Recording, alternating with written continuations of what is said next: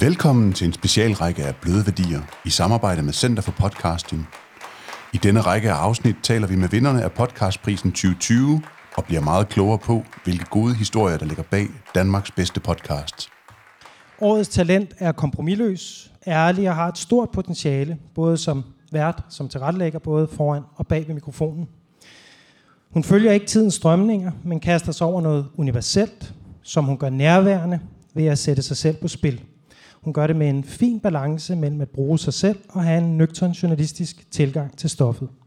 Men enten det er i samtale med andre, eller når hun leverer en stærk speak, så demonstrerer hun en smuk poetisk sans og et tydeligt nærvær, der efterlader et aftryk hos lytteren. Ja, man fristes nærmest til at sige, den efterlader en gul post i sindet.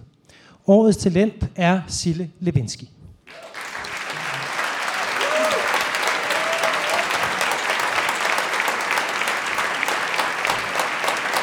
Vi håber, du kan lide det og bliver inspireret til selv at gå på jagt blandt alle de nominerede og vinderne. Der er et hav af gode historier derude. Måske får du da selv lyst til at stille op, når podcastprisen 2021 skal uddeles. God fornøjelse.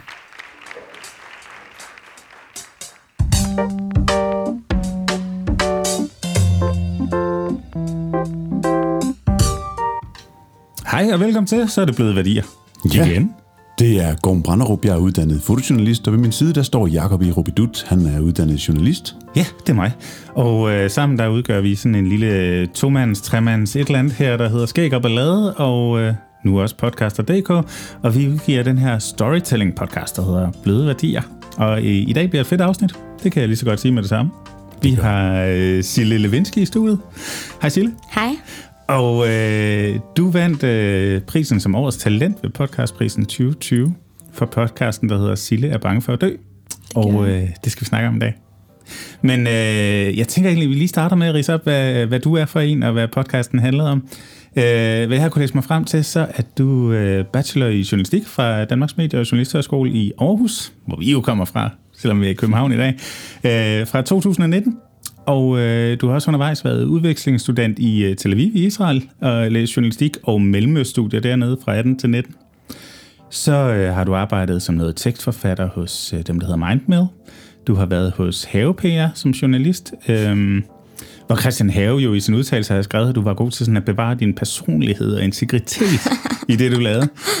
Du har siddet hos øh, Kulturmonitor, skrevet nyheder for dem, og nu er du ved det, der øh, på godt dansk hedder Storyhouse Egmont AS, øh, hvor du egentlig startede som praktikant i 2017, og siden har været freelancer, nu er digital journalist, og har så også fået lov til at lege med, øh, med podcast over hos Talktown, som er Egmonts øh, podcast satsning. Øhm, og grunden til, at du står her i dag, det er, at du øh, med din øh, første og eneste podcast indtil videre, Silla Bank for at dø, strøg ind og vandt prisen som øh, årets talent ved podcastprisen 2020. Yes. Øhm, jeg, har, øh, jeg har fundet et lille citat fra din chefredaktør på Talktown, Mette Hovmand Stilling, som, som skrev om dig, at det har været en stor fornøjelse at være redaktør for Sille, det er hendes allerførste podcast, men hun har ikke på noget tidspunkt været skræmt af teknik, manus og klip. Hendes stemme er fantastisk, og hendes sind og fortælleevne lige så. Sille er bange for at dø. Hun er ikke syg. Hun har ikke været ude for en ulykke. Hun er bare bange for at miste livet. Det tror jeg mange kender til, og på fineste vis der taler Sille med mennesker tæt på døden, for at gøre os klogere på den. Jeg er fuld af respekt for hendes tilgang, og så stolt over hendes pris. Yes. Det er Meget store smukke ord. Ja, ja, ja. det må man sige. Men ellers øh, kender man dig nok mest for din byline som skrivende øh, journalist, og der har du skrevet om alt lige fra øh, gode spisesteder i Tel Aviv øh, for Euroman til øh, meget høje kvinder i meget høje hæle i alt for damerne. Og, og cirka alt der indimellem. Der var også, øh, jeg fandt en reportage fra en øh, lille rockerklub øh, eller motorcykelklub et sted. Og den, Som- er, det er for journalister i skolen. og alt muligt. Altså, det er vidderligt alle mulige artikler, man kan, man kan finde dit navn på. Ikke? Men det var sådan, hvad jeg lige kunne, øh, kunne grave op med dig. Kan du kende dig selv i det? ja, det kan jeg. det lyder helt øh, mærkeligt at, at få det ramset op på den måde. Ja. Ja. Men øh, det handler om storytelling i dag. Det handler faktisk ikke så meget om dig som, som person. Det handler om, om podcasten Sille er bange for at dø, og, og den storytelling, der ligger i den. Øhm, og, og jeg kunne egentlig godt tænke mig bare lige at starte med at lægge ud med at høre, hvorfor en podcast om at være bange for døden? Hvorfor var det lige præcis det? Ja, øhm, altså, det, det kedelige svar, jeg har måske to svar. Kom med dem.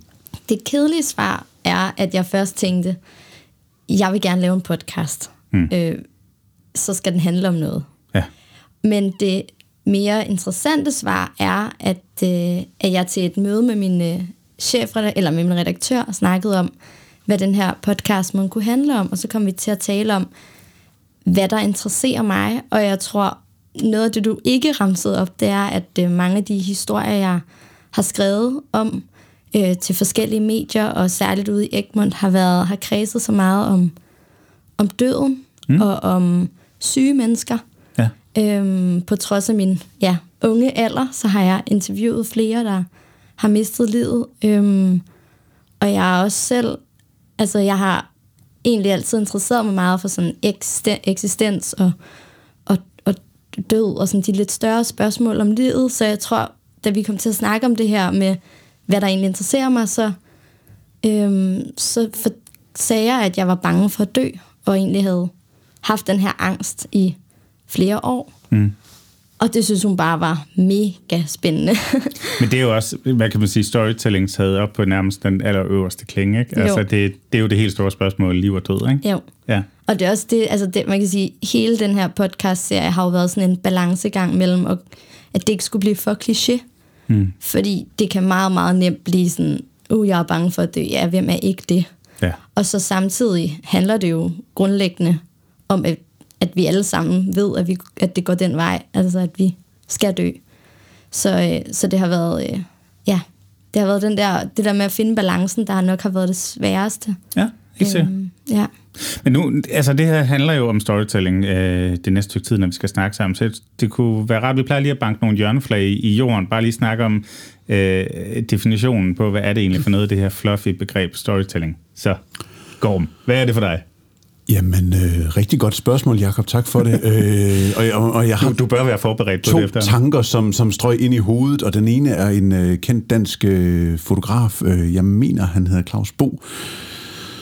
Det skal jeg lige have undersøgt, men, men han rejser rundt i hele verden og, og, og kigger på de her døde ritualer, øh, og hvordan at familier dealer med døden, og hvordan de bliver æret, og hvordan nogen de bliver gravet op, øh, fordi det er et ritual af deres kultur, og, og, og, og fotografere dem, fordi at altså, familien gerne vil mindes og være sammen med dem, og så tager han, så han taget ned til, til denne her kultur og fotograferet denne her familie, som tager det her lige op og fotograferer sig selv med dem og sminker det og udstiller det og farvelægger det og gør alt, hvad det skal gøre, for at det skal se naturligt ud, for at bringe dem godt videre og bevare mindet om dem og sådan nogle ting. Og han har været ude i, hvor, hvor man placerer lig øh, op i bjergene, så de bliver spist, og han har virkelig rejst rundt i hele verden og, og, og, og fundet de her ritualer og fotograferet dem. Og jeg, jeg, det, det var bare sådan en tanke, der stod op øh, i hovedet lige for et øjeblik siden, fordi at, at, at, at det er fandme vildt at tage ud og jagte døden på den måde, og, og jagte efterlivet på denne her måde, og, og, og, og formidle den visuelt. Og det gør han utrolig smukt. Mm. Øh, jeg vil prøve lige at, at dykke ned i det, så at når vi hører outroen her, så vil jeg øh, komme med en lidt længere anbefaling om det. Fedt. Må jeg indskyde noget? Ja. Jeg tror også, Jan Grav har også, altså han har også arbejdet, men har også været i store konfliktområder, krigszoner og sådan noget, og der er han jo også kommet meget, meget, meget tæt på døden.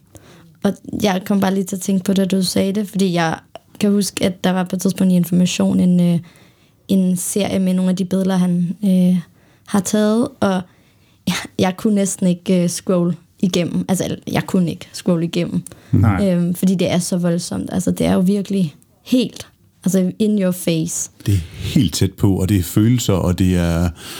Det er også meget kontrast, når han arbejder med netop med at se for eksempel en lille levende pige blandt alt det død, der nu er lige præcis det sted. Ikke? Altså, så, så kan man virkelig mærke kontrasten helt ind i maven. Ikke? Mm. Mm.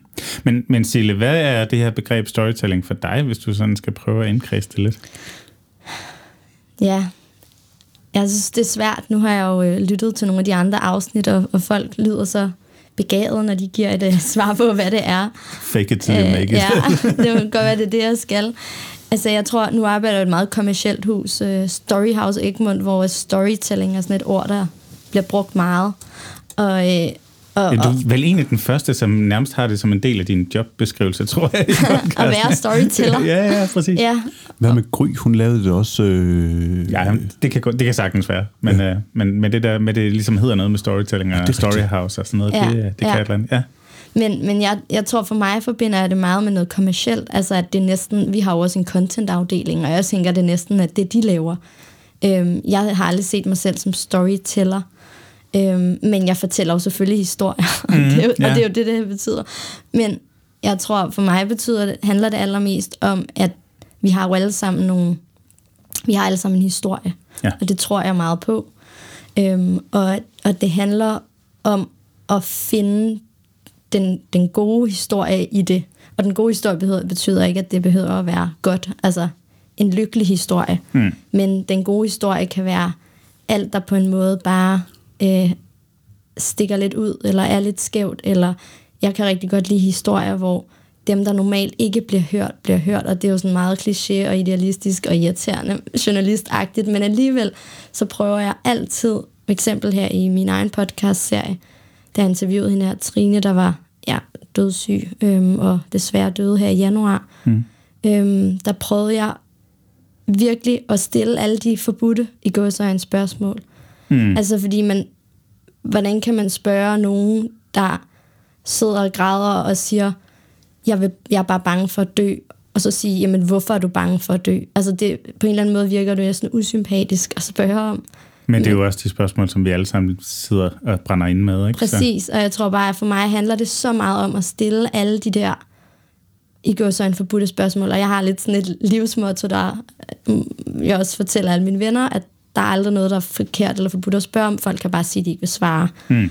Og for mig er det meget storytelling, altså at man går helt derud, fordi der er ikke... Altså, hvad er det værste, der kan ske? Det er, at nogen siger, det går for tæt på, jeg har ikke lyst til at svare. ja. Øhm, men at man, at man alligevel tør øh, kaste sig ud i det. Og det kræver jo fuldstændig is i maven nogle gange. Altså, det er jo journalistens værktøj nummer et, tænker jeg. Øhm, jeg kunne forestille mig, at det, det virker måske lidt afvæbnende, når man ser dig. Altså, hvis jeg lige skal beskrive dig, at du er ikke særlig høj og lyst hår og smilende og sådan noget. Jeg tænker, øh, du måske har mulighed for at komme lidt nemmere ind på folk. Altså, du virker afvæbnende i din attitude og sådan. Kan du mærke, at det Tak. hjælper dig på vej? Jeg, jeg tror i hvert fald ikke, jeg er så skræmmende. Og Nej. det, er- det er også... Det, det er da klart sikkert en fordel. Altså, at jeg ikke er en stor mørk mand. Altså, der, vi har jo mange fordomme om, om mennesker, og jeg, jeg tror, jeg, der er helt sikkert et element i, at jeg er, en lille pige, der ikke virker så farlig. Og så måske god til at skabe tillid og alt det her. Ja, måske. Det håber jeg jo. Det er fedt. Sille, vi skal jo bruge det næste stykke tid på at dykke ned i din værktøjskasse.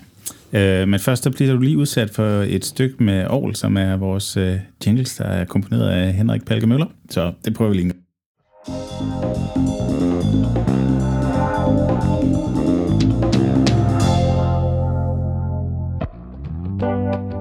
53.958.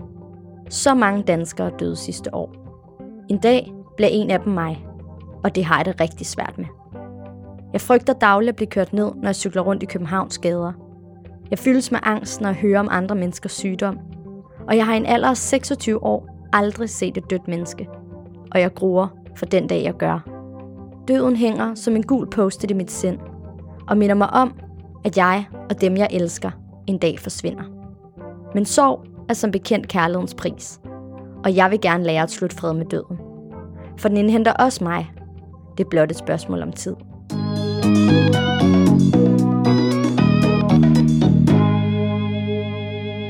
Men jeg, jeg kunne godt tænke mig at høre, hvorfor podcastmediet? Fordi du er jo øh, digital journalist og, og, og, og primær, primær, primær skrivende journalist. Øhm, og så kaster du dig lige pludselig ud i at lave en podcast om et af de sværeste emner overhovedet. Altså, hvor, hvorfor valgte du podcastmediet? Hvad kan det, som andre medier ikke kan?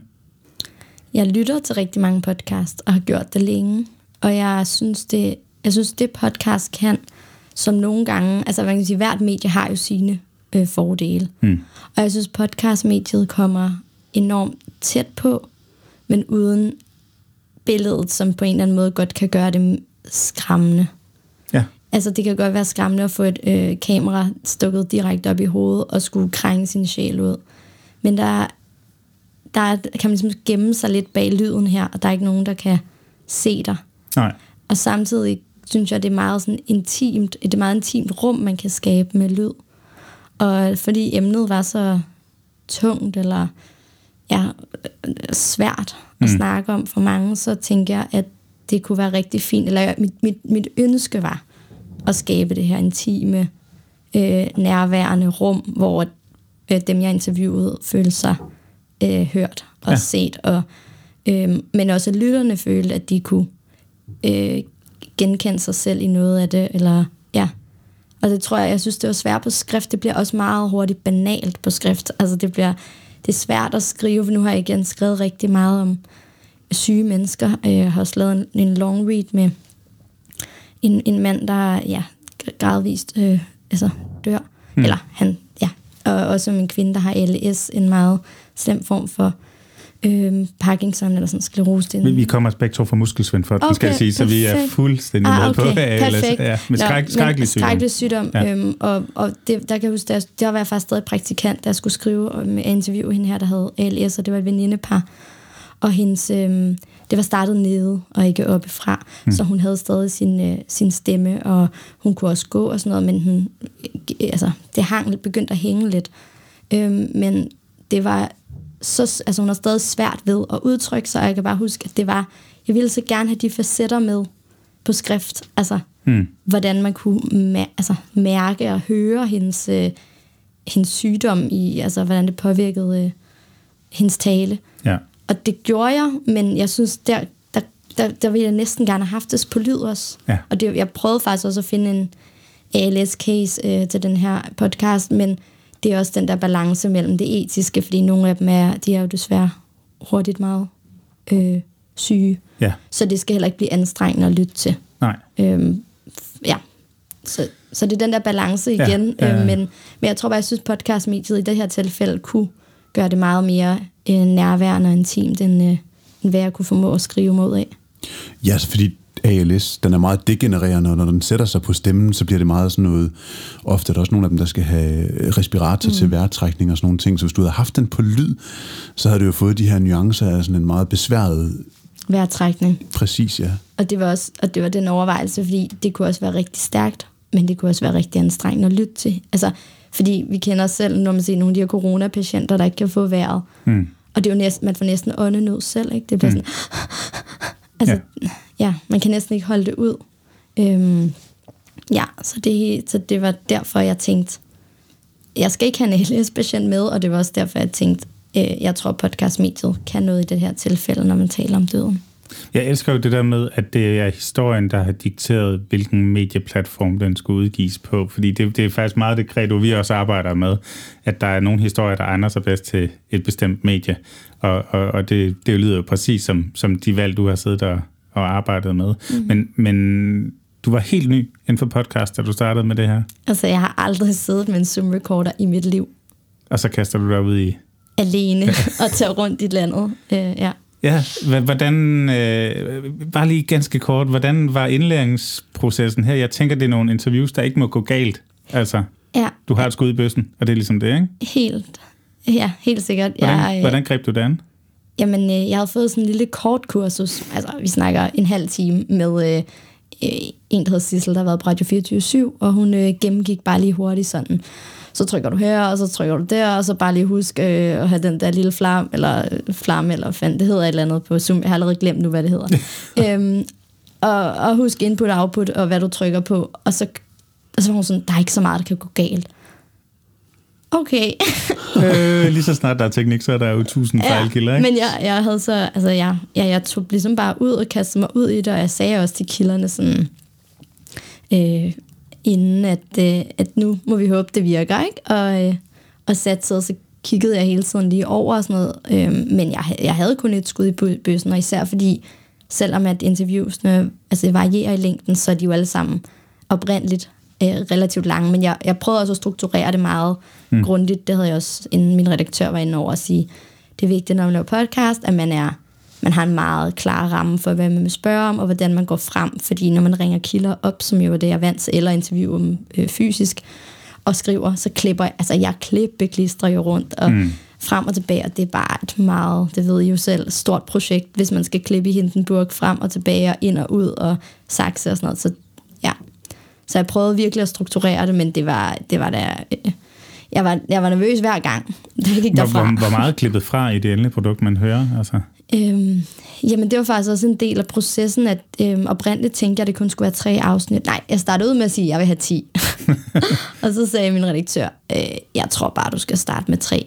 Mm. Øh, det er et stort nok projekt i sig selv. Og så endte vi på fem. Og så endte vi på fem, men det var fordi, vi så endte med at dele kilderne over, altså fordi jeg havde troet, det oprindelige afsnit, det første skulle være med øhm, to kilder, altså både psykologen og præsten, og jeg så havde tænkt øh, hospice-sygeplejersken og så en case, og sådan, jeg havde tænkt det på en anden måde, men så blev vi enige om, at måske der er også en fin udvikling i, at jeg starter hos psykologen, som har noget med mig at gøre. Mm. Så bevæger jeg ligesom lidt over på sådan et lidt mere eksistentiel plan med præsten, og vi taler lidt mere omkring død og liv, og lidt mere abstrakt. Og så hospice-sygeplejersken, der ligesom igen tilbage, hun arbejder fysisk med døden. Og så de her cases, som jo ikke, egentlig ikke har noget med mig at gøre, Nej. hvilket er fint. Altså, det, ja, ja. det hele skulle ikke handle om mig. Men øh, ja. Men, men øh, det er jo også lidt et forskellen på medierne, tænker jeg, hvor i en skreven artikel, nu har jeg selv skrevet rigtig meget, ikke? der kan du nemt flette kilder ind og ud med hinanden. Du kan selv lave overgangene.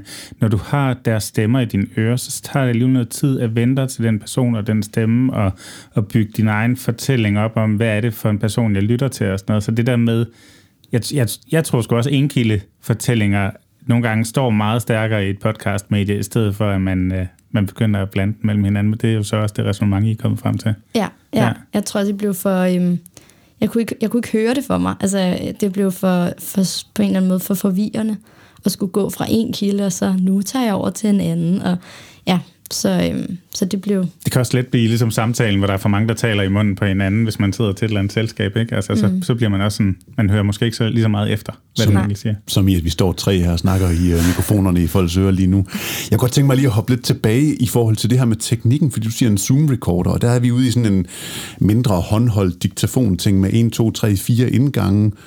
Ud og møde kilderne, mikrofon, hovedtelefon, og hvad havde du med at udstyre?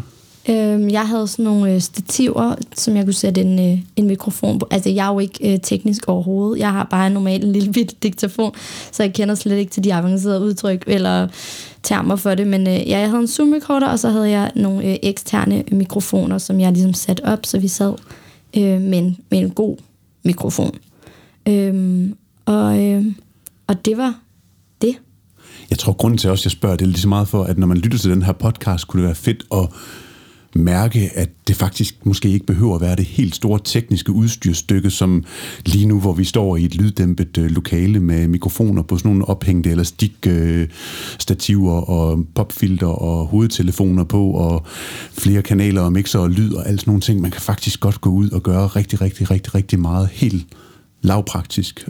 Ja, helt sikkert. Og det var også... Øh, jeg tror også for mig var det også meget sådan, det var også det som hende der, Sissel, som sagde, at øh, at, egentlig gør det ikke noget, at det virker autentisk, og det kan godt være, at der lige er en lyd. Jeg har fået at vide, at man skal ikke have en eller anden, et ur, der tigger, eller et eller andet mm, køleskab, nej, det, det bliver man træt af. køleskab, der larmer, men, men det der med, at det gør ikke noget, at det gør, at lydniveauerne lige forandrer sig lidt, eller at man hører en øh, dør, der bliver smækket, fordi der er en kone hjemme, eller, altså det er okay, at, at det bare er autentisk, altså fordi de fleste er ret øh, overbærende som lytter, hvis de synes, det er interessant nok, ikke?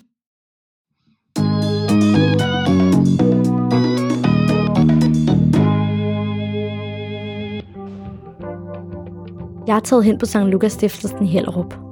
Her skal jeg møde Bo Snikker Bomand, der er psykolog og gennem de sidste 20 år har arbejdet med syge og døende mennesker. Han ved om nogen, hvilke former dødsang skal tage. Og nu skal han gøre mig lidt klogere på min.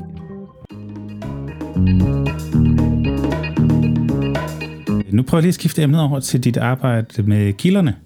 Øhm, for du har valgt fem forskellige tilgange til døden. Øh, du øh, sagde dem før, jeg ridser dem lige op igen. Det er psykologen, det er præsten, hospice-sygeplejersken, så en overlever af øh, op til flere hjertestop, og så til sidst den uheld, uhelbredelige syge kræftpatient. Jeg kunne godt tænke mig bare lige at spørge ind til, hvad ligger bag valget af lige præcis de fem kilder? Jamen som sagt havde jeg jo også tænkt, at jeg skulle have 10 afsnit, så jeg havde tænkt, at der var mange flere. Og hvem skulle det så i givet fald have været? Jamen, øh, vi snakkede meget om, hvad, øh, hvad for nogle former altså for dødsangst man kunne have, eller sådan, hvordan man ar- kunne arbejde eller have med døden at gøre på forskellige måder. Øhm, og jeg talte med redaktør om, at man også kunne have interviewet for eksempel en kvinde, hvis mand er i krig. Mm. Øhm, fordi hun må jo også sidde, altså som har skrevet et, et, et afskedsbrev, altså det der med, at så man på, der er man så pårørende, men, men at sidde på den anden side, øh, kunne også have været interessant. Øhm, så talte jeg også øh, om at besøge øh, en bedemand. Det er jo oplagt. Ja. Øh, og vi snakkede også om, at jeg kunne lægge mig i en kiste. Og Havde det været fjernsyn, så havde, var du ikke kommet ud Præcis, den der, så, var jeg taget, så havde jeg taget det med, og jeg tænkte også, kunne der være noget fed lyd i, at jeg lå i en kiste, men det var også lidt for oplagt på en eller anden måde. Øhm, ja, og så også ude i et krematorie, men det er egentlig mere, det vil mere være fordi, at lyden af mig, der skal besøge det her krematorie, altså det, det vækker så meget angst i mig, at jeg, at jeg tænkte, der kunne være noget i, i den lyd, altså, øh, men det valgte vi så fra, øh, fordi vi synes det på en eller anden måde, der var nok i det andet. Hmm. Men du er meget bevidst om at bruge dig selv, og hvordan du selv reagerer i situationer og sådan noget. Ja, helt det, sikkert. Det, det er jo også lidt en grænse, man går på som journalist. Altså, at øh, den klassiske journalist må ikke bruge sig selv, kan man sige. Det er det, vi alle sammen lærer på Journalisthøjskolen. Mm. Men vi ved også godt, at det bliver rigtig fedt, hvis man bliver berørt. Mm. Og især når man går med en mikrofon og rapporterer og mm. laver sådan noget old school field recording. Ikke? Mm. Øhm, hvad, hvad, har du, hvad, hvad har du tænkt om det? Altså har du åbnet fuldstændig op for, at du godt selv måtte blive berørt, eller har du tænkt dig som en journalist på afstand, der skulle afdække et område objektivt?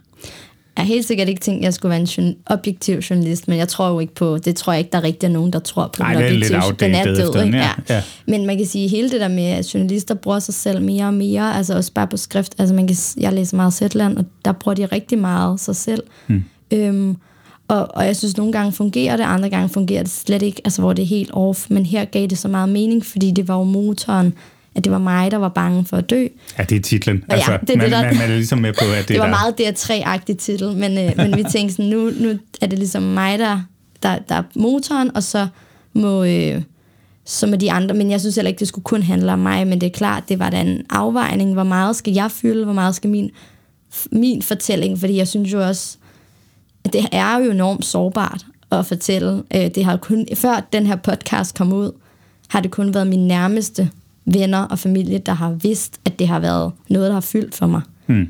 Øhm, så, så derfor er det jo på mange måder, det er nok, det er jo også igen, nu har jeg talt jo mange kilder om, det er jo meget klassisk, og så ender man bare med at fortælle det til hele verden. Ja, ja, ja.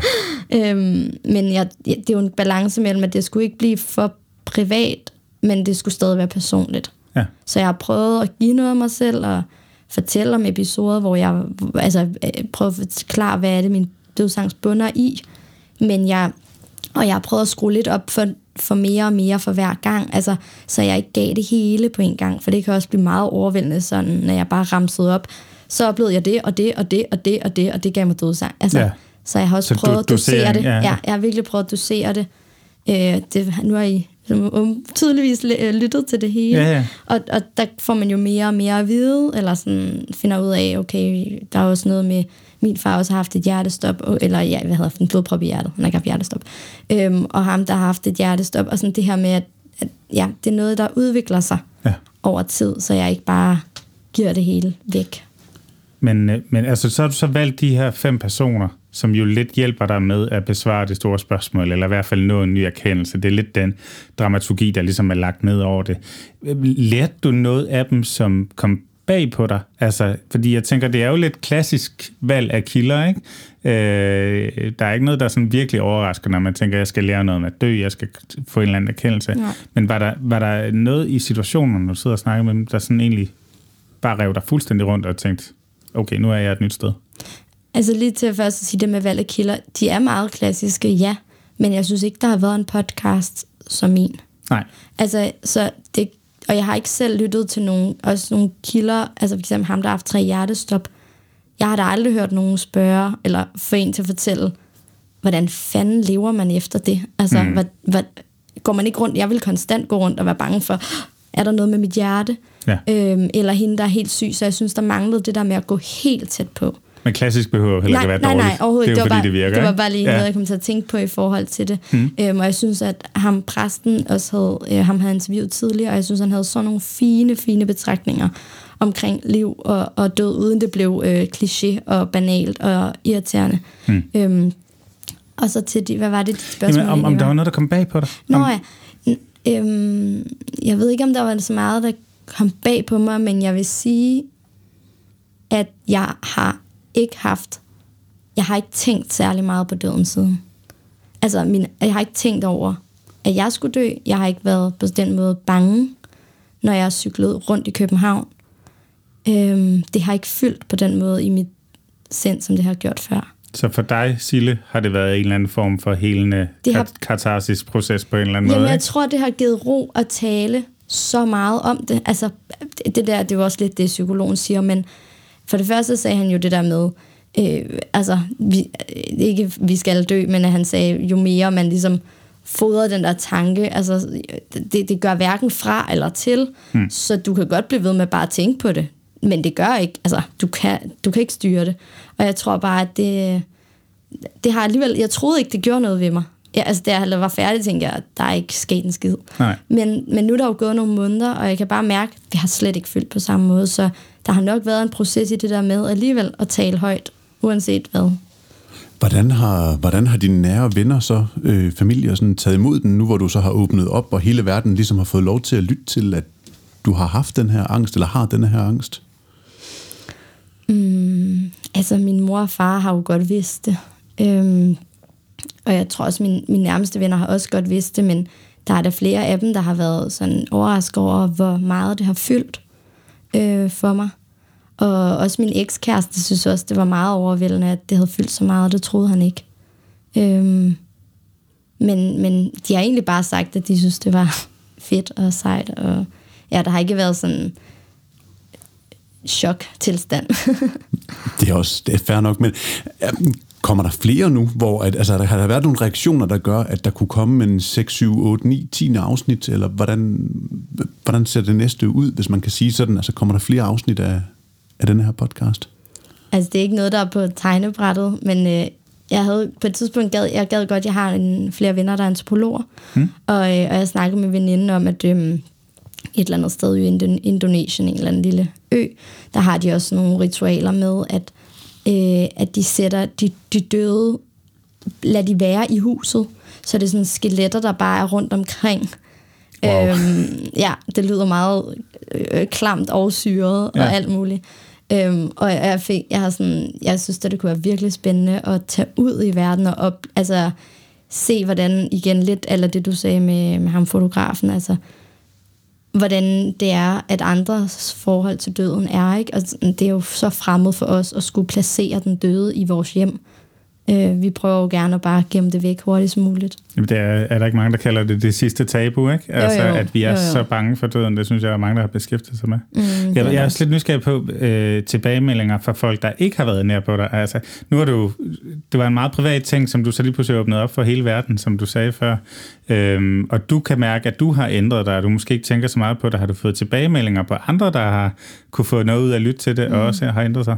Ja, altså jeg, det har været meget sådan overvældende og sødt, men også lidt specielt, at jeg har oplevet, at flere også ude på min arbejdsplads, som jeg aldrig har talt med. Mm. Nu arbejder jeg i et relativt stort mediehus. Øhm, er kommet hen til mig og begyndt at åbne op om, at der var en, øh, hvis mand var død, øh, og nu ville hun godt, øh, hun havde skrevet dagbog, og ville gerne øh, sende mig alle hendes dagbogsnotater, hvis jeg gerne ville læse dem, hvis det kunne give mig mere ro. Og der var en anden mand, der fortalte også, at hans mor var blevet syg, og øh, så den der følelse af, at folk åbner sig op, øh, uden at jeg har bedt om det, eller uden at jeg har gjort noget, eller det føler jeg jo ikke, jeg har. Hmm. Øh, det er meget overvældende og enormt sødt, men det er også lidt specielt, fordi hvordan skal man lige altså, reagere? Jeg kan jo ikke bære andres sorg eller byrde, eller, altså, så, så det er sådan en, ja, det er sådan Den er bland- dobbelt Ja. på en eller anden måde. Du har i hvert fald tydeligvis stillet de spørgsmål, som andre har brændt ind med tænker jeg. Men, men du bliver meget rost for din tilgang. Også altså, din chefredaktør kommer med nogle meget flotte vendinger omkring det. Hvad er det, du tror, at at du gør rigtigt, når du taler med de her berørte personer om ømtålige emner. Nu ved jeg godt, det er svært at svare på sådan noget om sig selv, ja. at gå ud og kigge på sig selv udefra, men, men nu har du været i så mange situationer, hvor du har siddet med folk foran dig, som har haft det svært, eller været svært mm. at tale om og sådan noget. Hvad, hvad, hvad er det, hvis du sådan skal prøve at pinpointe? Hvad er hvis det, jeg skal rose mig selv. ja, eller hvad kan man sige, fremhæve, hvad det er, der, der fungerer? Øhm, jeg tror, det der med at give plads og lade, lade stillheden være der, og mm. ikke være bange for den, øh, gør også, og det er jo også et, et klassisk journalistisk greb, men der er fandme mange, der, nej, nu bandede jeg, der, det må man godt der, har, der har svært ved det, ikke? Altså, som har svært ved at være i, i stillheden. Øh, og jeg, jeg vil ikke sige, at jeg dyrker den, men jeg synes, det er fedt. Altså, jeg kan rigtig godt lide det, fordi det netop giver plads til den der efterreflektion, altså hvor folk lige sidder og tænker, og så kommer der ofte noget ekstra. Øhm, men, men også det, at det giver noget ro til podcasten, og det synes jeg, den har brug for. Altså, at det ikke, den skal ikke bare jappes igennem. Øhm, så det synes jeg fungerer. Mm. Og så tror jeg også, at, øhm, at ja, mange synes jo, det er modigt. Altså, jeg synes jo ikke selv, det er mod. Øhm, men, men jeg tror, det der med, at jeg øhm, giver noget af mig selv, alligevel stadig... Øh, øh, det gør jo, det, altså som du selv siger, det, er det sidste tabu, altså folk synes stadig, det er vildt, at jeg fortæller, at jeg er bange for at dø. Men, men igen, jo flere gange jeg siger, at jeg er bange for at dø, jo mindre øh, slagkraftigt bliver det på en eller anden måde. Så øh, det har taget lidt luft med ballonen, og, og det, det tror jeg også bare, ja, gør noget ved podcasten. Hmm? Jeg synes, der er et eller andet, du må undskylde, Jacob, men der er et eller andet spændende ved, at, at dem, der har lyttet til din podcast, har lært dig at kende. De har haft dig helt inde mellem ørerne i en halvanden, to timer. Og det må vel være derfor, at, at de føler, at de kender dig så godt, at de vil komme og dele dagbøger med dig. Altså, jeg, der, mm, jeg synes, der var et eller andet mere i det, at, at, at reaktionerne fra, fra dem, du overhovedet ikke kender, for det er jo et eller andet sted det, som, som podcast kan ved, at man kan identificere sig med den stemme, som, du bringer frem, både i kraft af dig selv, men også af dem, du taler med. Og der er sådan... Jeg synes sgu et eller andet rørende ved, at folk de på den måde kan, kan, kan føle, at et menneske, som de dybest set måske aldrig har mødt eller kendt andet, måske de har trykket på den samme knap hen på kaffeautomaten, lige pludselig tænker, jamen, fordi jeg har lyttet til dig, så giver det mig også ret til at komme hen og dele noget af det aller, aller inderste, som er det her med at være bange for at dø. Og hvordan, hvordan, hvordan tager man imod sådan et menneske og, ja, selvfølgelig giver man plads, som du siger, og lytter til det, men, men er, det ikke, er det ikke vanvittigt specielt at stå i den situation? Jo, det er det. Det er jo ikke noget, jeg har prøvet før. Men øh, jeg, jeg tror også, lige der, da, da for eksempel øh, en, en kollega eller en ude i huset øh, ville dele sine dagbogsnotater med dig, var det meget sådan en... Øh, følelse af, at jeg bliver nødt, altså jeg skulle faktisk noget, og jeg havde faktisk ret travlt, men det kunne, altså jeg blev jo nødt til at lade hende fortælle øh, dele af sin historie, eller jeg blev nødt til at spørge ind, så det er også en, der er også noget forpligtende i det, altså at man bliver også nødt til, når nu jeg har lavet den her, og der er så en kvinde, der deler noget så sårbart og privat og øh, forfærdeligt, og hun har mistet sin mand, så kan jeg jo heller ikke bare hvad jeg finder jeg at sige, om nu, jeg, jeg har en aftale om en halv time, så jeg blev nødt til lige at smutte. Øhm, så, så jeg blev selvfølgelig nødt til også at, at spørge ind. Men det, var, det er jo den der balance også, fordi jeg prøvede ligesom også at sige, at jeg, jeg behøver ikke din... Altså hvis du gerne vil sende dem, må du selvfølgelig gerne, men jeg, jeg, jeg behøver dem ikke, og sådan, fordi jeg har jo... Altså, jeg skal jo ikke se hendes dagbogsnotater. men, øh, men det er da meget specielt. Det er det. Jeg, jeg synes lidt, der er, en, der er et sjovt wrap-up på det her, fordi nu har vi jo snakket med en del venner af podcastprisen, og blandt andet har vi snakket med dem, der lavede Blackout Pine på billedet, der handlede om, om hele den her situation med billeddeling mod sin vilje og sådan noget. Og, og hun oplevede jo lidt det samme med henvendelser af, at du har åbnet op, du har tur at være personlig øh, med åben mikrofon, du har fortalt din historie, det gør, at jeg kan reflektere i, i din fortælling. Lidt det samme som noget, det du siger nu, ikke? Og der, der tror jeg bare, at, at det ligesom gennemgående podcastmediet er bare helt utrolig stærkt til, du hører en stemme, du hører en, der siger noget, der resonerer i dig selv, så får man virkelig lyst til at starte en samtale med, med vedkommende. For det var i hvert fald også den, den fortælling, der var der, ikke? Altså, at, at folk bare lige pludselig, så vælter det bare ud, ikke? Altså, Jo, og man kan sige, nu igen, det nu arbejder jeg jo for sådan et, vi er livsstilssite, øh, som vi kalder os, og det er jo sådan set alt, ikke? Ja, jo. Øhm, men, øh, men der skriver jeg rigtig, rigtig mange historier med øh, også, øh, vi skal også til vores børn, så det er sådan mødre, hvis øh, børn har autisme, eller øh, har en eller anden uforklarlig diagnose, som de så selv er gået ind i en eller anden kamp for at finde ud af, hvad de fejler børnene og sådan noget. Det er jo tit for, øh, folk, der har et eller andet på hjerte, de gerne vil fortælle, og så skriver de altid, jeg har fået så mange reaktioner, jeg har fået så mange henvendelser, og det er jo den der følelse, altså selvom vi jo i dag lever i en tid, hvor folk laver ikke andet end at dele ud af sig selv, og måske også dele for meget, mm. øh, eller sådan grænsen er i hvert fald blevet mere og mere øh, utydelig, mm. så, øh, så, så kan vi jo godt lide det som mennesker, at vi kan genkende os selv og tænke, "Ej, så er vi ikke så specielle, eller jeg er ikke alene, eller hvad det nu kan være. Jeg tror også, det er derfor, at DR3 øh, er så succesfuld, fordi det er jo ikke andet end, end case-fortællinger, der er med unge, der er ensomme, eller en, der drikker for meget, eller det er jo alt sammen ting, som vi kan genkende os selv i på en eller anden måde, og, og det er jo det, der skaber nogle reaktioner, så på en eller anden måde er vi jo bare sindssygt banale, ikke? Helt vildt. Altså nu, øh, øh, vi har begge to arbejdet for Muskelsvindfonden, og der øh, var der også en gennemgående fortælling med, at øh, når folk får stillet diagnosen, så bliver det også øh, tilbudt at blive en del af de her grupper for folk med samme diagnose, hvor der i lang tid er mange, der takker nej til det, fordi det er så skræmmende at se, hvordan sygdommen så progrerer, og hvor fremskreden den kan være hos andre, og hvor det ender henne. Men i det øjeblik, de så alligevel overvinder sig selv og siger ja til at dele ud sammen med andre, der er i samme situation som dem selv, så er det noget af det mest givende, de overhovedet kan være ude, mm. udsat for. Ikke? Så der er, der er virkelig der behov for at, at, at, at se øh, øh, gense smerten i den andens øjne, eller hvad kan man sige, ikke? Altså, at man, man finder nogen, der står det samme sted, eller i hvert fald noget tilsvarende, ikke?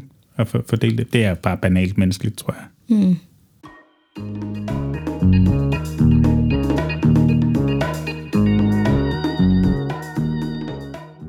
Jamen Bo, jeg øh, skrev jo til dig, eller ringede til dig, mm. fordi øhm, jeg gerne vil blive klogere på min egen dødsangst. Mm. Jeg kan mærke bare, at det jeg siger det, så bliver sådan, mit hjerte banker lidt hurtigere. Mm. Det er noget, jeg har dealet meget med her de sidste mange år efter, jeg særligt er flyttet hjemmefra. Mm. Og, øhm, og jeg ved jo, at du gennem dit virke som psykolog de sidste 20 år, mm. og blandt andet arbejdet meget med døende og syge mennesker, mm. øhm, ved noget om, hvad dødsangst er for en størrelse, og øhm, hvorfor vi mennesker kan være enormt bange for at dø.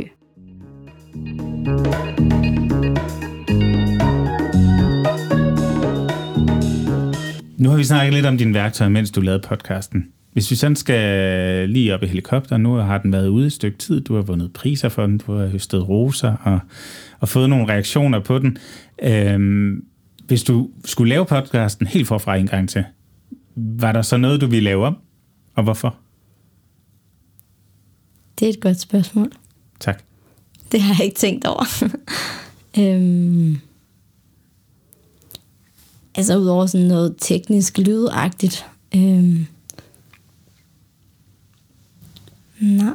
Det er ikke, altså det er ikke, der er ikke noget, der lige slår mig. Der er helt sikkert et eller andet, jeg ville lave om, hvis jeg skulle starte forfra, men, men der er ikke noget, der sådan slår mig lige nu. Fordi jeg synes, der var en, jeg synes, det var en fin lille pakke, der blev færdig lavet på en eller anden måde, eller sådan det.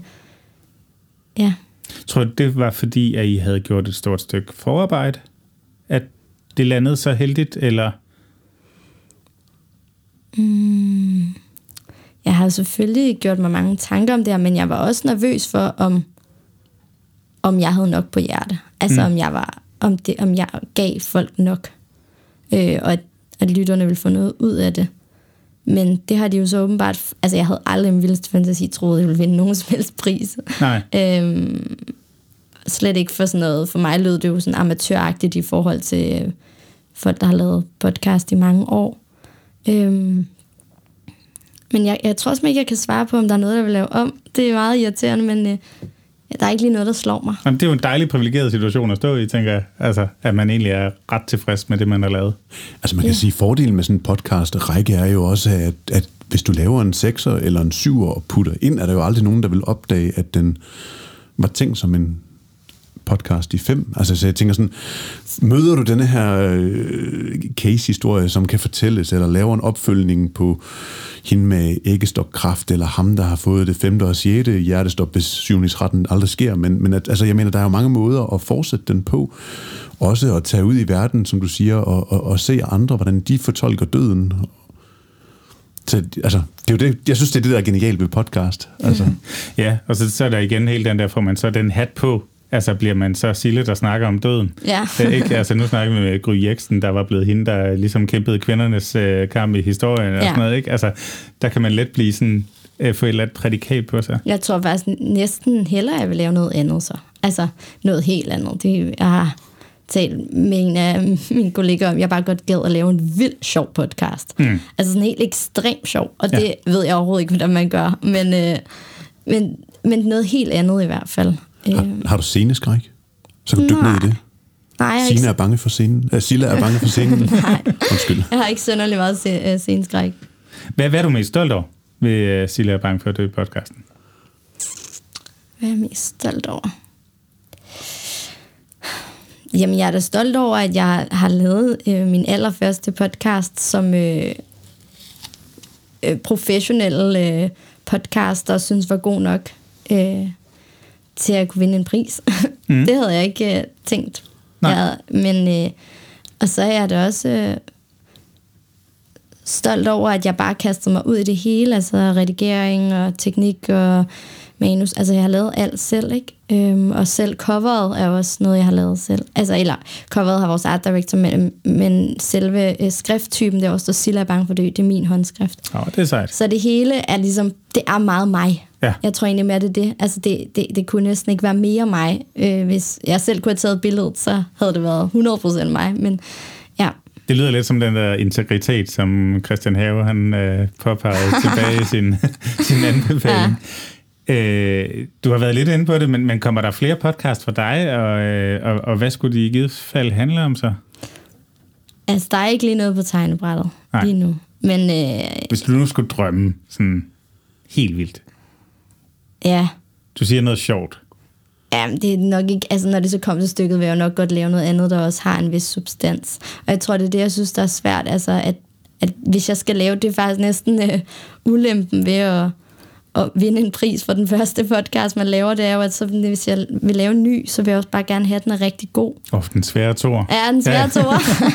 Hvorimod artiklen, dem spytter jeg hele tiden ud, så det er sådan, Ja. Ja, men, øh, men, men det skulle nok være noget helt andet, hvor jeg ikke... Og så omvendt, så kunne det også være, at jeg skulle bruge mig selv. Jeg ved bare ikke lige, hvordan. Altså, jeg har talt med...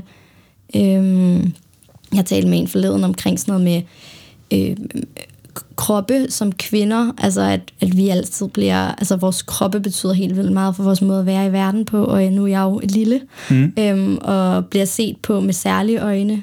Øh, og Hvor høj er du? Jeg er 51. Ja. Ja. Så, Så jeg er en lille en, ja. og, øhm, og hende, jeg snakkede med, hun er høj, og vi selv karakteriserer sig som tyk. Så vi var bare sådan to kvinder, der var meget forskellige, og blev betragtet meget forskelligt. Mm. Øhm, så det, var, det er et bud, men det er jo ikke sådan vildt øh, sjovt. men der er jo alle mulige greb, man kan tage på den fortælling, tænker jeg. Altså, det er Ja, jo, jeg prøvede i er hvert fald med den der artikel med de høje kvinder. Der Ja. prøvede jeg. Jeg håber folk synes, det var lidt sjovt, for det var ret komisk. Der, det, er jo- altså, der er jo så også en billedside, der er, er meget givende, kan man sige, til sådan en artikel, hvor du ser, øh, jeg tror det er fem høje kvinder, kom gående ned ad strøget ved siden af hinanden, og der bare er, er, er folk, der kigger på dem. Ikke? Øhm, det, det er måske lidt svært i podcast, så skal man nok tænke andre greb. Ikke? Mm. Men, men hvordan er tilgangen? Nu kommer vi til at tage dig til indtægt for fremtiden inden for podcast, for du er talent, du har vundet som års talent, så det må være dig, der viser lidt om, hvad det er, vi skal holde øje med. Øh, Hvis man kigger over hos, hos Egmont eller Talktown, hvor du nu er, øh, hvor, øh, hvor vil man hen med podcast? Altså, hvordan går man til det medie i, i den koncern, hvor du sidder? Åh, det er et stort spørgsmål, det ved jeg ikke, om jeg må besvare.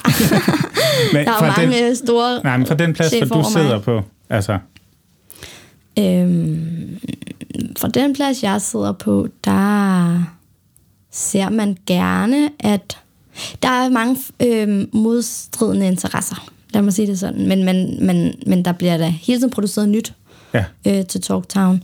Øh, lige nu øh, altså primært til børn. Ja. Øhm, og det er ikke fordi, altså de gode idéer bliver der, er der altid altså, åben for. Så, så det er ikke fordi, at hvis jeg havde en brandgod idé, det er mere det der med ressourcer, og nu er jeg jo skrivende, og øh, hvis jeg, nu brugte jeg næsten to måneder på den her, hvor jeg ikke lavede andet. Okay. Ja, det er jo også et privilegie at Ja, kunne gøre og, det, ikke? og det er det, og det er jo et kæmpe privilegie. Så hvis det var, at jeg skulle lave en ny, så skulle jeg helt sikkert gøre det ved siden af, øhm, af den, almi- mit almindelige arbejde, skulle jeg til at sige, som skrivende journalist.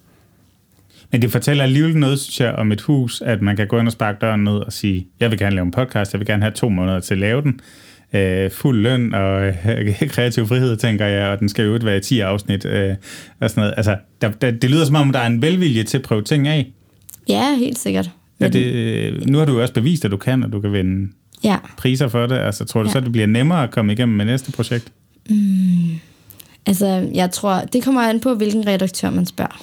Mm. Den ene redaktør vil sige yes, og den anden vil sige, men så skal vi have nogle ressourcer et andet sted fra. Alright. Så for det var nemlig et privilegie, jeg fik lov til at trække to måneder ud i kalenderen, altså i huset, for jeg var jo stadig, altså jeg er jo ansat så på fuld tid Mm. øh, som skrivende. Ja. Så der var andre, der skulle skrive om, om høje kvinder Der i var, mellemtiden. der var andre, der skulle skrive om høje kvinder. Men, men hvis vi så lige letter endnu mere med helikopteren og kigger på podcastmarkedet i Danmark, nu har du selv kun produceret én podcast, men, men du lytter til mange, siger du. Kan du sådan give en føler på, hvor du, hvor du ser, at podcastmarkedet i Danmark er på vej hen? Igen fra din stol. Nu tager vi der til indtægt for en hel masse. Og Men stort du er jo årets talent, ikke? Ja, det, det, så ved man et og andet. Ja, som års talent, så gør man det. Ja. Kan du, kan du mærke nogle bevægelser, eller kan du se nogle tendenser, eller... Altså, der er jo sind, der bliver produceret så meget. Og der bliver produceret noget til alle. Men jeg tror meget på niche-podcasts. Altså ligesom niche-medier. Mm. Så tror jeg meget på, ligesom at jeg dykker ned i et emne. Og så er det bare det. Så tror jeg også meget på, at, at, at det der med, at man, at man har en meget, meget klar ramme for det, man vil fortælle. At det, de der sniksnak-podcasts, jeg tror ikke på, der, at det vil blive ved med at udkomme. Altså, de har, dem, der er der nu, er nogen, der har kørt i mange år. Hmm. Øhm, og jeg har selv været lytter, også af flere. Øhm, men, men mange af dem, jeg, jeg tror, folk har, øh, har så, der er så meget andet, man også kan tage sig til. Så det skal virkelig fænge, og man skal virkelig have en interesse for et område, før man gider at, øh, at lytte til det. Så der skal være noget substans, noget indhold, man kan relatere til og måske tage med og bruge videre. Ja, og ligesom for eksempel hende der kvinde kendt din historie, det er jo også meget specifikt dykker ned i kvinder gennem historien, der er blevet overset og sådan. Ja. Altså, ja, og så er det jo for, for det segment, der interesserer sig for kvinder, skulle jeg til at sige, ikke? og for ligestilling eller mangel på samme. Og, og sådan tror jeg bare, det bliver mere og mere af, altså at det er meget sådan, at det er mere snævert, at det ikke er en, en podcast om løst og fast, og så tjekker man lige ind, altså ligesom her går det godt, det er jo en øh, god podcast, og jeg har selv været stor fan af dem, men jeg tror ikke på, at der lige kommer en ny Esben Bjerre og Peter Faltoft Nej. i morgen. Det er jo helt utroligt værtsbordet, sådan en, Ja, en, en podcast. Det, det, det, det, det vil og- ikke være alle, der kunne sætte sig ned og lave den. det er det. Og de der, så, jeg tror, så tror jeg mere på det andet. Ja. Og vil det så også kunne leve på store øh, mainstream-platforme som TalkTown, Podimo, hvad har vi nu? Tænker du, at, at der er plads til niche-podcasten der? Ja, helt sikkert. Det, Okay. kommer, det udkommer også hele tiden. Altså nu har på Talktown er lige udkommet en gaming-podcast til børn, altså, som handler om gaming.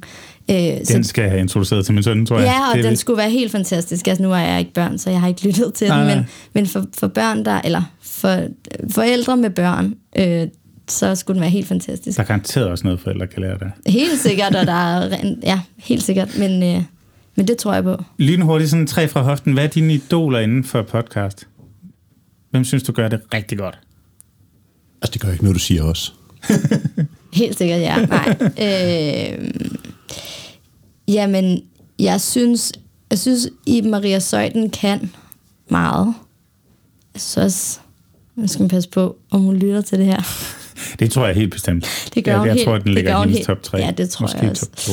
Jeg synes, jeg synes, hun kan skabe det der nærværende rum, og hun tør også, hun arbejder også meget med pauser og stillhed, mm. og dyrker det der øh, eksistentielle. Øhm, og jeg synes også, at, øh, at ham for genstart Knud Brix, men, men han er jo også bare en kæmpe rutineret mand, der har gjort det i i mange, mange år. Ja, man får vel også noget hår på brystet hen ad vejen, altså i forhold til, når man har snakket med Gud og hver mand. Ja, det altså. tænker jeg også. Øhm, jeg ved sgu ikke lige, hvem der ellers er inden for podcasting. Altså jo, jeg ved godt, der er mange, men, men jeg tror, jeg synes, de er nogle af de bedste herhjemme. Ja, Egentlig. genstart er det jo alt andet end niche. Det er alt andet end niche. Ja, Men de tager stadig fat i noget, der, noget aktuelt, noget dagsaktuelt. Det er jo meget sådan The Daily-agtigt, men, men, men de har stadig et ret stramt format, ikke? Okay. en eller anden måde. så det er stramheden og det der med at kende sine rammer og... Ja, man ved, man får en eller anden nyhedsupdate der, mm. med et perspektiv på noget, der kører lige nu. Ja, fedt. Er du stadig bange for at dø, eller har podcasten flyttet dig et helt nyt sted hen? Nej, men som sagt, så synes jeg, at det har gjort noget. Ja. Altså, det har givet mig en anden ro. Men altså, jeg er da stadig bange for at dø, og jeg vil da ikke dø.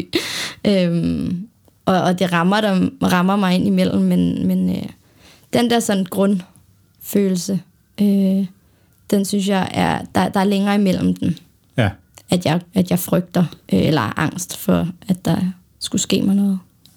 nu er angsten rykket over på den svære podcast nummer to, Ja. og hvad den skal ny, ny angst har taget over. Jeg synes, det har været enormt spændende at høre om, om, om processen og dine, dine tanker også om fremtiden for, for podcast og så videre. Nu bliver du lige taget til indtægt for en hel masse. men, øh, men jeg tænker, vi er stille og roligt ved at være ved vejs ende. Vi har en sådan lille øvelse, vi plejer at smide i, en, en storytelling-øvelse, vi plejer at smide i hovedet på folk, øh, som du også lige får en gang. Øh, og vi skal nok lige give dig en, en bitte jingle lige til at tænke dig om. Men, øh, men det er sådan den klassiske storytelling-disciplin, elevatortalen. Så øh, Sille, vi forestiller os, at vi går ind i en øh, elevator, døren lukker, og jeg, øh, jeg siger, det er noget med, Sille, du har lavet noget podcast et eller andet, hvad er det nu, det er for noget? Og du får lige en jingle til at tænke over dit svar.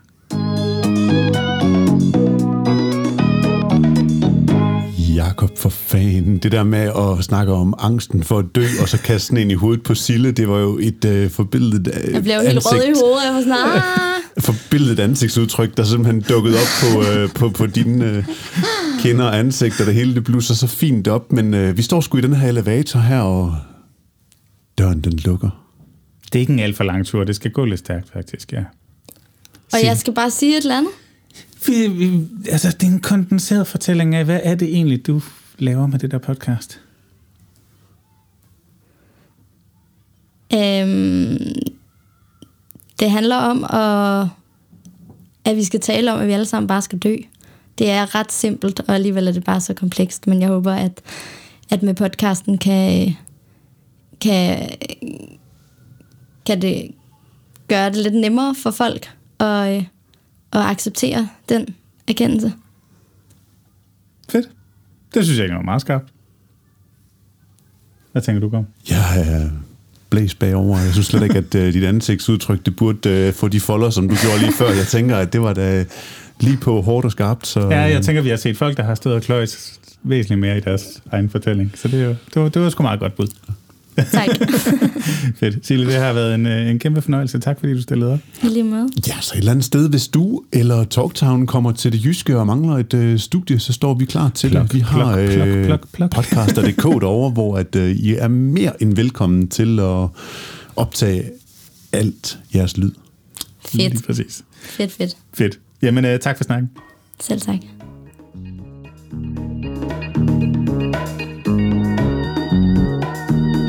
Så kom vi hjem til Aarhus, som man siger.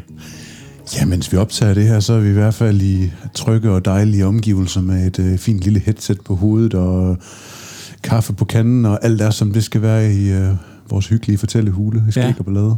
Og det var, det var rigtig dejligt i København. Det var også virkelig rart at komme hjem igen. Men øh, Sille Levinsky, Ja. øh, årets podcast Talent, det var en spændende snak. Bestemt. Ja, og hun lærte mig øh, et noget, som øh, du har sagt til mig, og jeg har sagt til mig selv flere gange efterfølgende, og det er jo, det er okay at spørge om alting. Øh, det er den, der bliver spurgt, der har et ansvar for at sige, øh, det vil jeg ikke svare på, eller nej, eller lad være med at svare. Ja. Øh, det, det, det, det synes jeg bare, det er sådan en gennemgående journalistisk øh, fed sætning at have i hovedet, at man bare kan spørge om alting. Det er vigtigt at huske på i hvert fald øh, værktøjskassen. Mm, helt sikkert. Og, øh, og spændende podcast, øh, spændende emne, alt det her med døden og sådan noget. Det, øh, det, det var en god snak, synes jeg. Jeg synes, man blev klogere, og jeg synes, det er jeg kan sgu godt forstå, det er hende, der har vundet den pris. Altså, øh, øh, så ung og fremadstormende og, og øh, skarp og dygtig og øh, alt muligt Ja, for fanden. ord, ikke? Øhm, fedt. Men øhm, vi er tilbage. Vi skal snakke lidt om, hvad vi har gang i. Må jeg lægge fra land?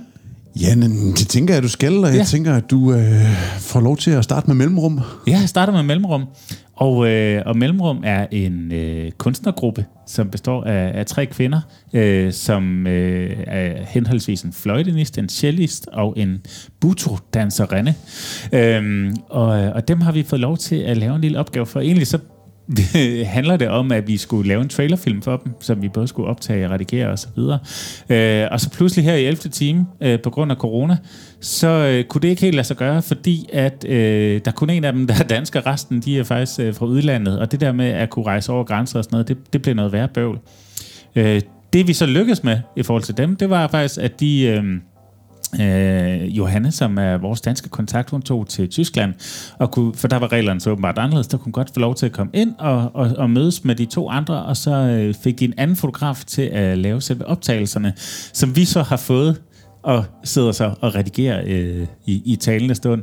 Øhm, og det, det er sgu ret sjovt, synes jeg, det der med, at øh, der er nogle kunstnere, der har tænkt en idé til en trailer. Der er en, det er så en stillfotograf, som har optaget video øh, efter øh, hvad talentet nu rækte til, så tror jeg ikke, jeg er generet af nogen, men altså, det, det er en, der er vant til at tage stillbilleder, som har lavet videoen, og den har vi så fået overleveret, og skal så øh, klippe ud fra de designer, der er, og vores egen mavefornemmelse langt hen ad vejen, til en, en fed trailer for den her turné, som øh, ensemblet Mellemrum skal ud på. Og det, øh, det giver nogle ret sjove udfordringer. Øh, Ja, hvis jeg lige må tabe ind, fordi jeg, ja. jeg tænker sådan, der sker jo en eller anden øh, spændende øh, i det her med, at der er andre, der har tænkt nogle tanker og filmet og ført et kamera, og, og, og så får vi øh, råmaterialet og, og, og skal prøve at, at ramme en nerve og en tråd ud fra en dialog med, med dem om, hvordan det, det gerne skulle ende op med at være, men også rigtig meget en følelse.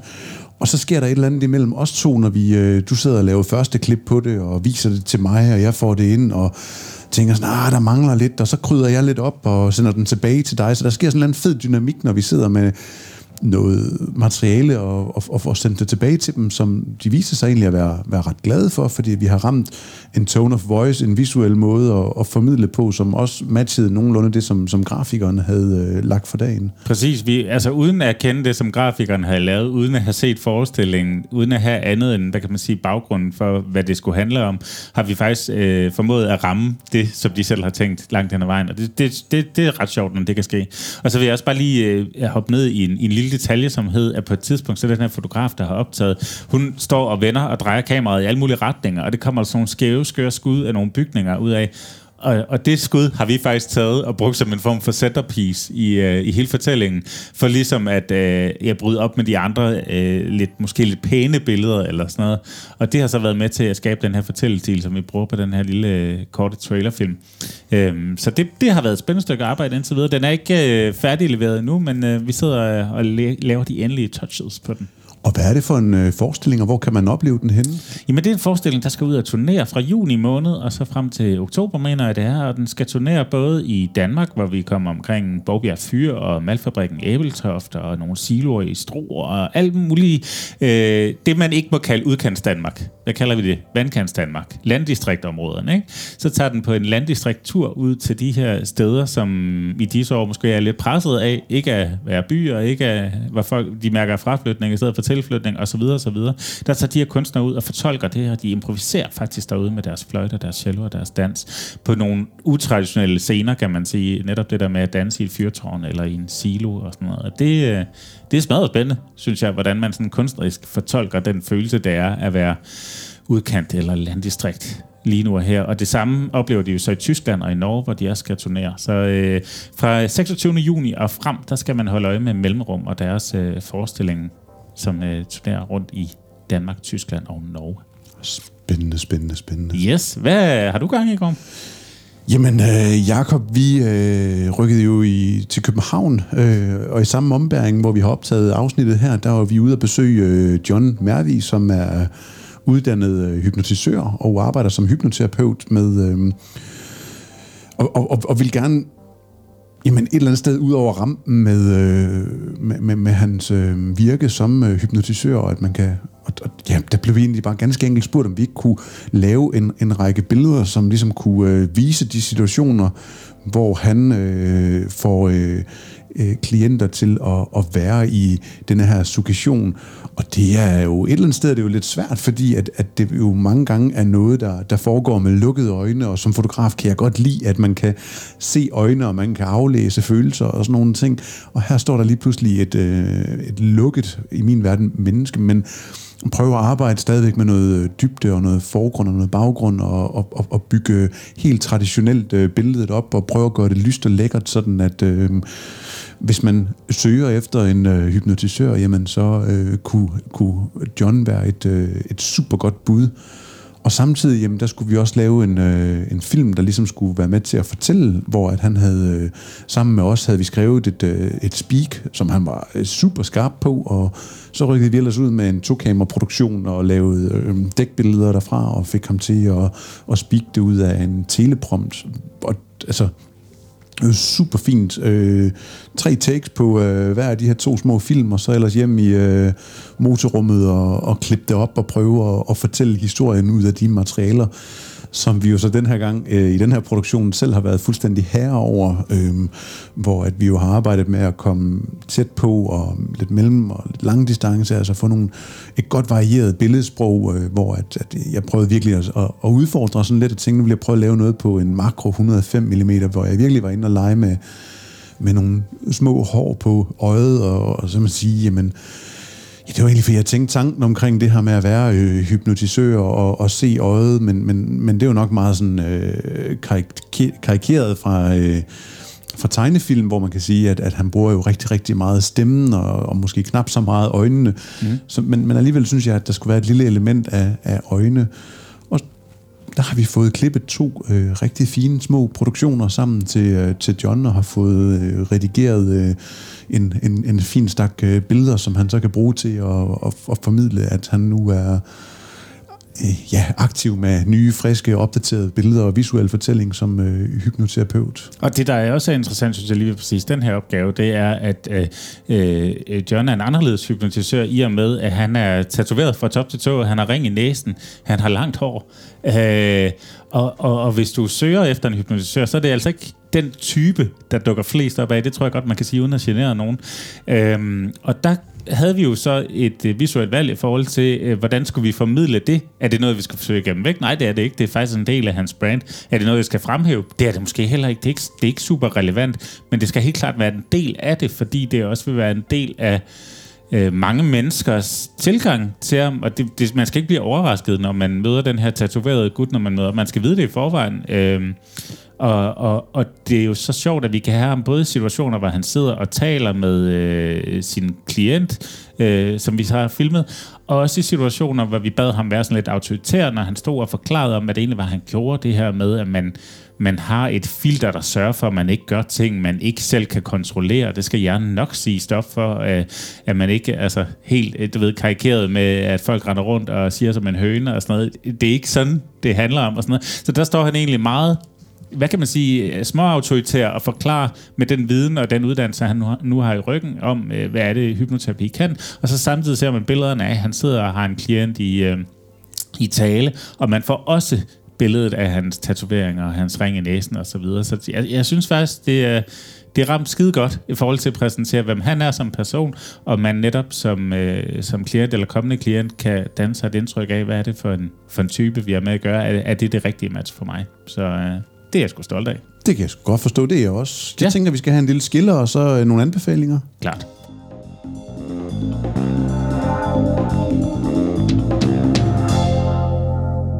Ja, nu får du lov at starte. Tusind tak. Øh, jamen, jeg var ganske kort inde på øh, den her fotograf Claus Bo i, øh, i, i samtalen med, med, med Sille her i, i starten af podcasten. Og jeg vil egentlig, nu har jeg lige siddet og, og fulgt lidt op på det, og vi skal egentlig øh, dykke ned i en øh, prisvindende fotograf, øh, som har fundet flere ja, internationale priser, men egentlig også øh, flere sådan, danske priser for øh, sit fotografiske virke. Han er uddannet pressefotograf og har arbejdet øh, intensivt med det. Øh, de sidste mange år, der har der haft en øh, passion for døden og skildring af døden i forskellige øh, kulturer rundt i hele verden, hvor han har rejst. Det her er altså virkelig, virkelig en stærk scene. Det er en mor med sine to døde sønner og sin afdøde mand. Og, og hun bor i rummet ved siden af. Og nogle gange, så kommer hun herop, og så sætter hun sig og bærer nogle bønder, hvorefter hun godt kan finde på at sove i rummet natten over.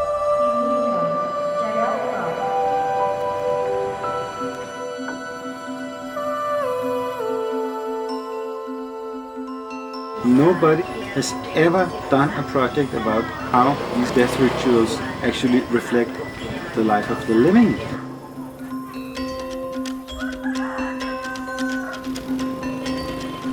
Jeg har kørt ud gennem bjergene de sidste to timer af de sindssygeste bjergeveje for at komme ud til et helt særligt døderitual. This is my son. My son. This is your mother. Yeah. For you, mama, and for her mama also, yes. Det er noget, der er gået i lige linje i generationer. Han har lært det af sin far, og hans far har lært det af sin far.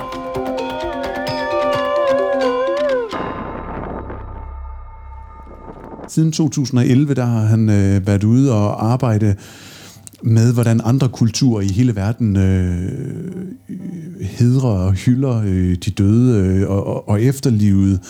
Og det er der kommet nogle øh, vanvittigt smukke øh, billeder ud af, hvor man der er øh, en kirkegård, som ligger sådan op ad en skrant, hvor der bare står kors, og der er fyldt med blomster, og den, de fortsætter bare sådan op ad, ad skrænten, og der, der er sådan nogle vildt smukke øh, scenerier, og også nogle meget barske, hvor man ser øh, balsameringen af, af, af lig, og man ser øh, sørgende mennesker med, kom gående med urne, og man ser nogen, der der er ved at, det ligner en mumie, hvor at, at, at de efterbehandler denne her øh, døde person her, hvordan der er nogen, der bliver brændt, og der er nogen, der bliver offret til dyr, og der er virkelig, virkelig meget sådan at, at dykke ned i, og man skal være klar på at, at konfrontere øh, den øh, frygt, man kan have, eller den de følelser, man har for, for øh, omgangen med, med, med døde mennesker, men jeg synes virkelig, at han gør det på en, øh, en, en flot måde og en øh, meget æstetisk måde.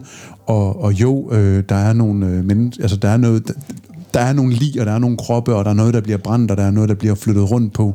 Men, men jeg synes, der er en respekt omkring øh, det, den person, som, som er på billederne, og det, øh, den tillid, der er øh, med, med de mennesker som, øh, og pårørende, som optræder på, øh, på billederne. Og der kan man gå ind på øh, klausbo.com, eller .com hedder det vel egentlig, mm. og, og, og se øh, hans arbejde, og hans arbejde som øh, fotojournalist, øh, hans arbejde med den her projekt, han kalder Dead and Alive, hvor at, jamen, det er en, der slår mig jo, det er den her klassiske billede af en mand, der ligger på øh, sådan en i Afrika, der har man i nogle kulturer, hvor man bygger øh, kister, øh, og, og der er så en mand, som, som ligger bag noget forhæng på sådan en, en kæmpe stor hane, Øh, Øh, det er et billede fra Ghana, og, og, og, der, og sådan er der også en stor bil, der bliver bygget, og, og det er bare spændende at se, hvordan andre mennesker, de, øh, de omgås øh, livet efter døden, hvis man kan, kan kalde det det. Der er også en, øh, inde på øh, deadandaliveproject.com, der er der også en lille kort film på et par minutter, hvor at det er en trailer, som lægger op til en kommende øh, film, hvor man øh, følger ham ud i øh, verden og hans arbejde med at, og, og at, at dykke ned i, i øh, den her kultur, der er øh, med døden. Så det var sådan lige for at, at, at tage tråden op fra øh, vores interview med, med Sille, hvor jeg nævnte mm. Claus Bo, fordi det var den første tanke, der lige kom i mine øh, tanker, der er, hvad visuel storytelling, eller hvad storytelling er for mig, hvor jeg nævner ham. Ja. Øhm, så det er sgu egentlig øh, lige et, et, et callback der til at, at gå ind og følge ham, hvis man øh, har lyst til at, at være i det her. Og øh, ganske kort, ja, så er der både udstillinger og det hele, og han vinder også en øh, liv- og død-prisen i 2018. Så der er, altså, det er en pris, Prisen, jeg ikke anede eksisterede. Nå, men, øh, fedt. Jeg, jeg tillader mig at tage over nu, fordi min anbefaling har faktisk også lidt med døden at gøre. Det er ikke rigtigt, Jacob. det, det. Er, det er det store dødsafsnit, vi er gang i, men jeg synes på en, på en interessant og spændende måde. Ikke? Øh, storytelling, der omhandler døden. Øh, jeg har læst en bog. Øh, eller det vil sige, det har jeg overhovedet ikke. Jeg har hørt en lydbog. Ja. Så øh, er det noget, du gør det i? Det ved jeg. Altså, ja, Det Ja, gør jeg. Ofte så har det været nogle lidt øh, læselige, øh, eller lidt konsumerbare lydbøger, hvor at jeg ja, lige har kunnet tage dem i lidt hurtigt tempo, mens jeg har øh, fotograferet. Fedt. Men, men hvis du lige har 8 timer og 43 minutter til års en dag, så kan jeg anbefale øh, en bog, der hedder Occidentens Stjerne, og den er skrevet af Benny Bøtger.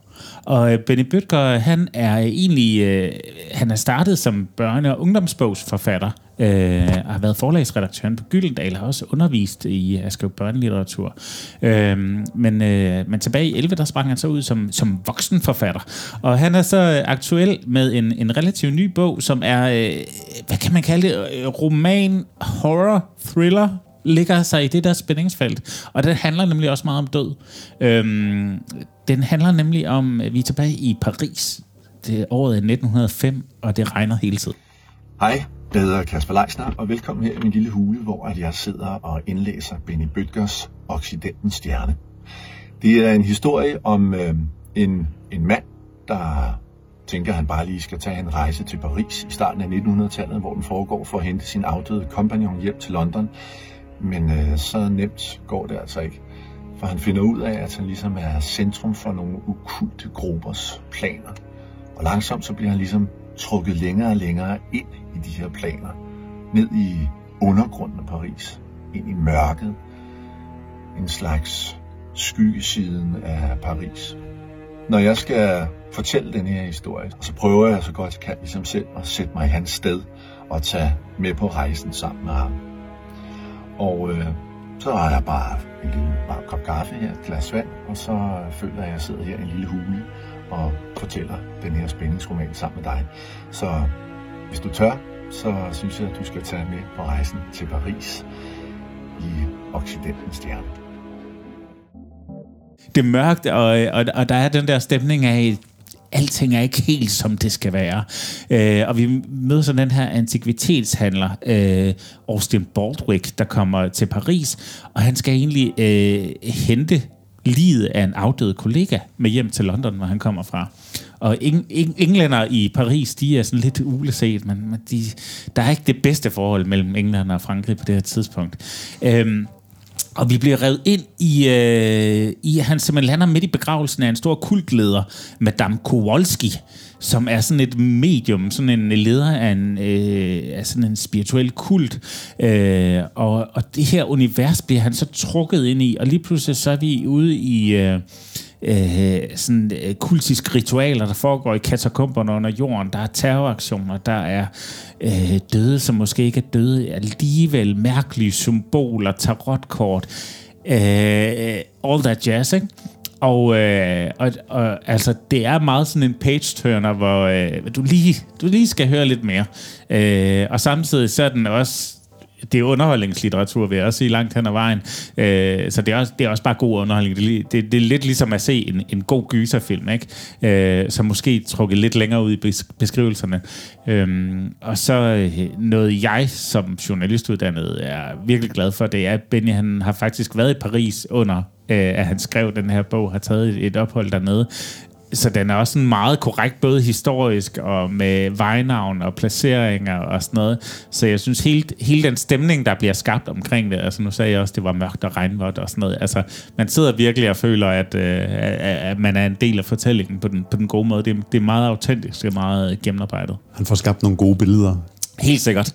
Altså nogle af de her øh, seancer med, at øh, der er sådan åndemaner, der øh, vækker gespenster til live og sådan noget, hvor, hvor det er meget sjovt, at man jo selv sidder og tænker, ah, det er næsten for godt til at være sandt. Og den rolle har hovedpersonen, øh, ham Austin jo også. Han er meget skeptisk over for det. Så, så man er, han er egentlig lidt, hvad kan man sige, læserens advokat langt hen ad vejen, og, og i og med, at han så stille og roligt finder ud af, okay, der er måske mere mellem himmel og jord, eller der er måske også noget, der bare er det pure opspænd, så, så følger man, altså ens sympati ligger jo meget hos ham, og, og man følger så ham på den, på den rejse også. Så øh, jeg vil sige, jeg har været rigtig godt underholdt, så det er 8 timer og 43 minutter godt givet ud. Jeg fandt den inde på øh, Mofibo-appen. Øhm, jeg ved ikke, om den ligger på andre lydbogs-apps også, men der kan man i hvert fald finde den. Øhm, Og hvad siger du, den hedder? den hedder Occidentens Stjerne. Occident, det er O-C-C-I D-E-N-T. Øhm, ikke et ord, man bruger så meget.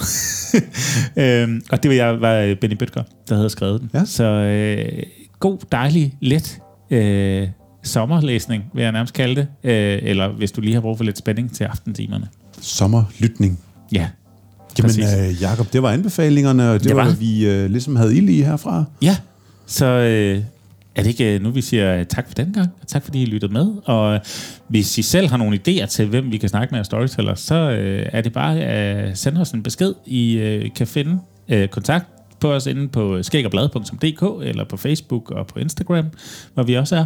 Øhm, og øh, vi vil meget gerne høre, hvis I synes, der er nogle spændende storytellers stadig. Ja, for pokker. Altså, nu er vi jo sådan i enden af rækken af dygtige storytellers, der har vundet øh, priserne her fra øh, 2020 øh, sammen med Center for Podcasting. Øh, og det er jo bare... Øh, der, der kommer mange flere andre slags øh, dygtige fortællere, så, så ram os endelig med en mail eller noget andet, der ligesom kan øh, invitere gæster ind i studiet, fordi vi vil virkelig, virkelig gerne møde mennesket bag historien. Ja, det er en lille hurtig anekdote, inden vi Endelig. lukker ned. Øh, forleden dag, der skrev du, øh, har du set, at øh, Karin, som vi har interviewet, hun er faktisk i Aarhus Stiftstidende. Og så gik det ellers amok derfra, fordi så dukkede Vanvittig Verdenshistorie op. De var i lokalavisen, og dagen efter så kom øh, Gry Jeksen, som jeg også har talt med, med kvindekendt din historie i Jyllandsposten. Så vi fik sådan, faktisk sådan en, okay, det er faktisk nogle fede mennesker, vi, vi snakker med. Det er dygtige storytellers, det er der andre end os, der også synes, måske har...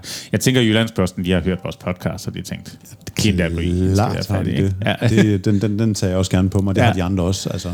Men, øh, men det, det synes jeg bare er meget, meget sjov lille anekdote, at de her øh, blevet værdier gæster, de, øh, de også optræder alle mulige andre steder øh, i deres øh, funktioner, storytellers osv.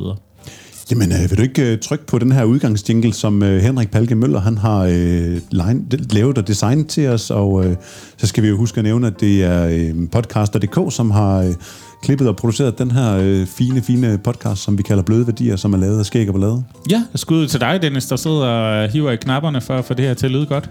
Din stakkel. Du gør det godt. Hvis du kunne lide, hvad du hørte, så øh, smid en anbefaling efter os. Hvis du ikke kan svinge dig op på fem stjerner, jamen så øh, skriv til os, hvad vi kan gøre bedre. Så øh, håber vi at kunne imødekomme alle de ønsker, der er derude. Tak fordi du lyttede med.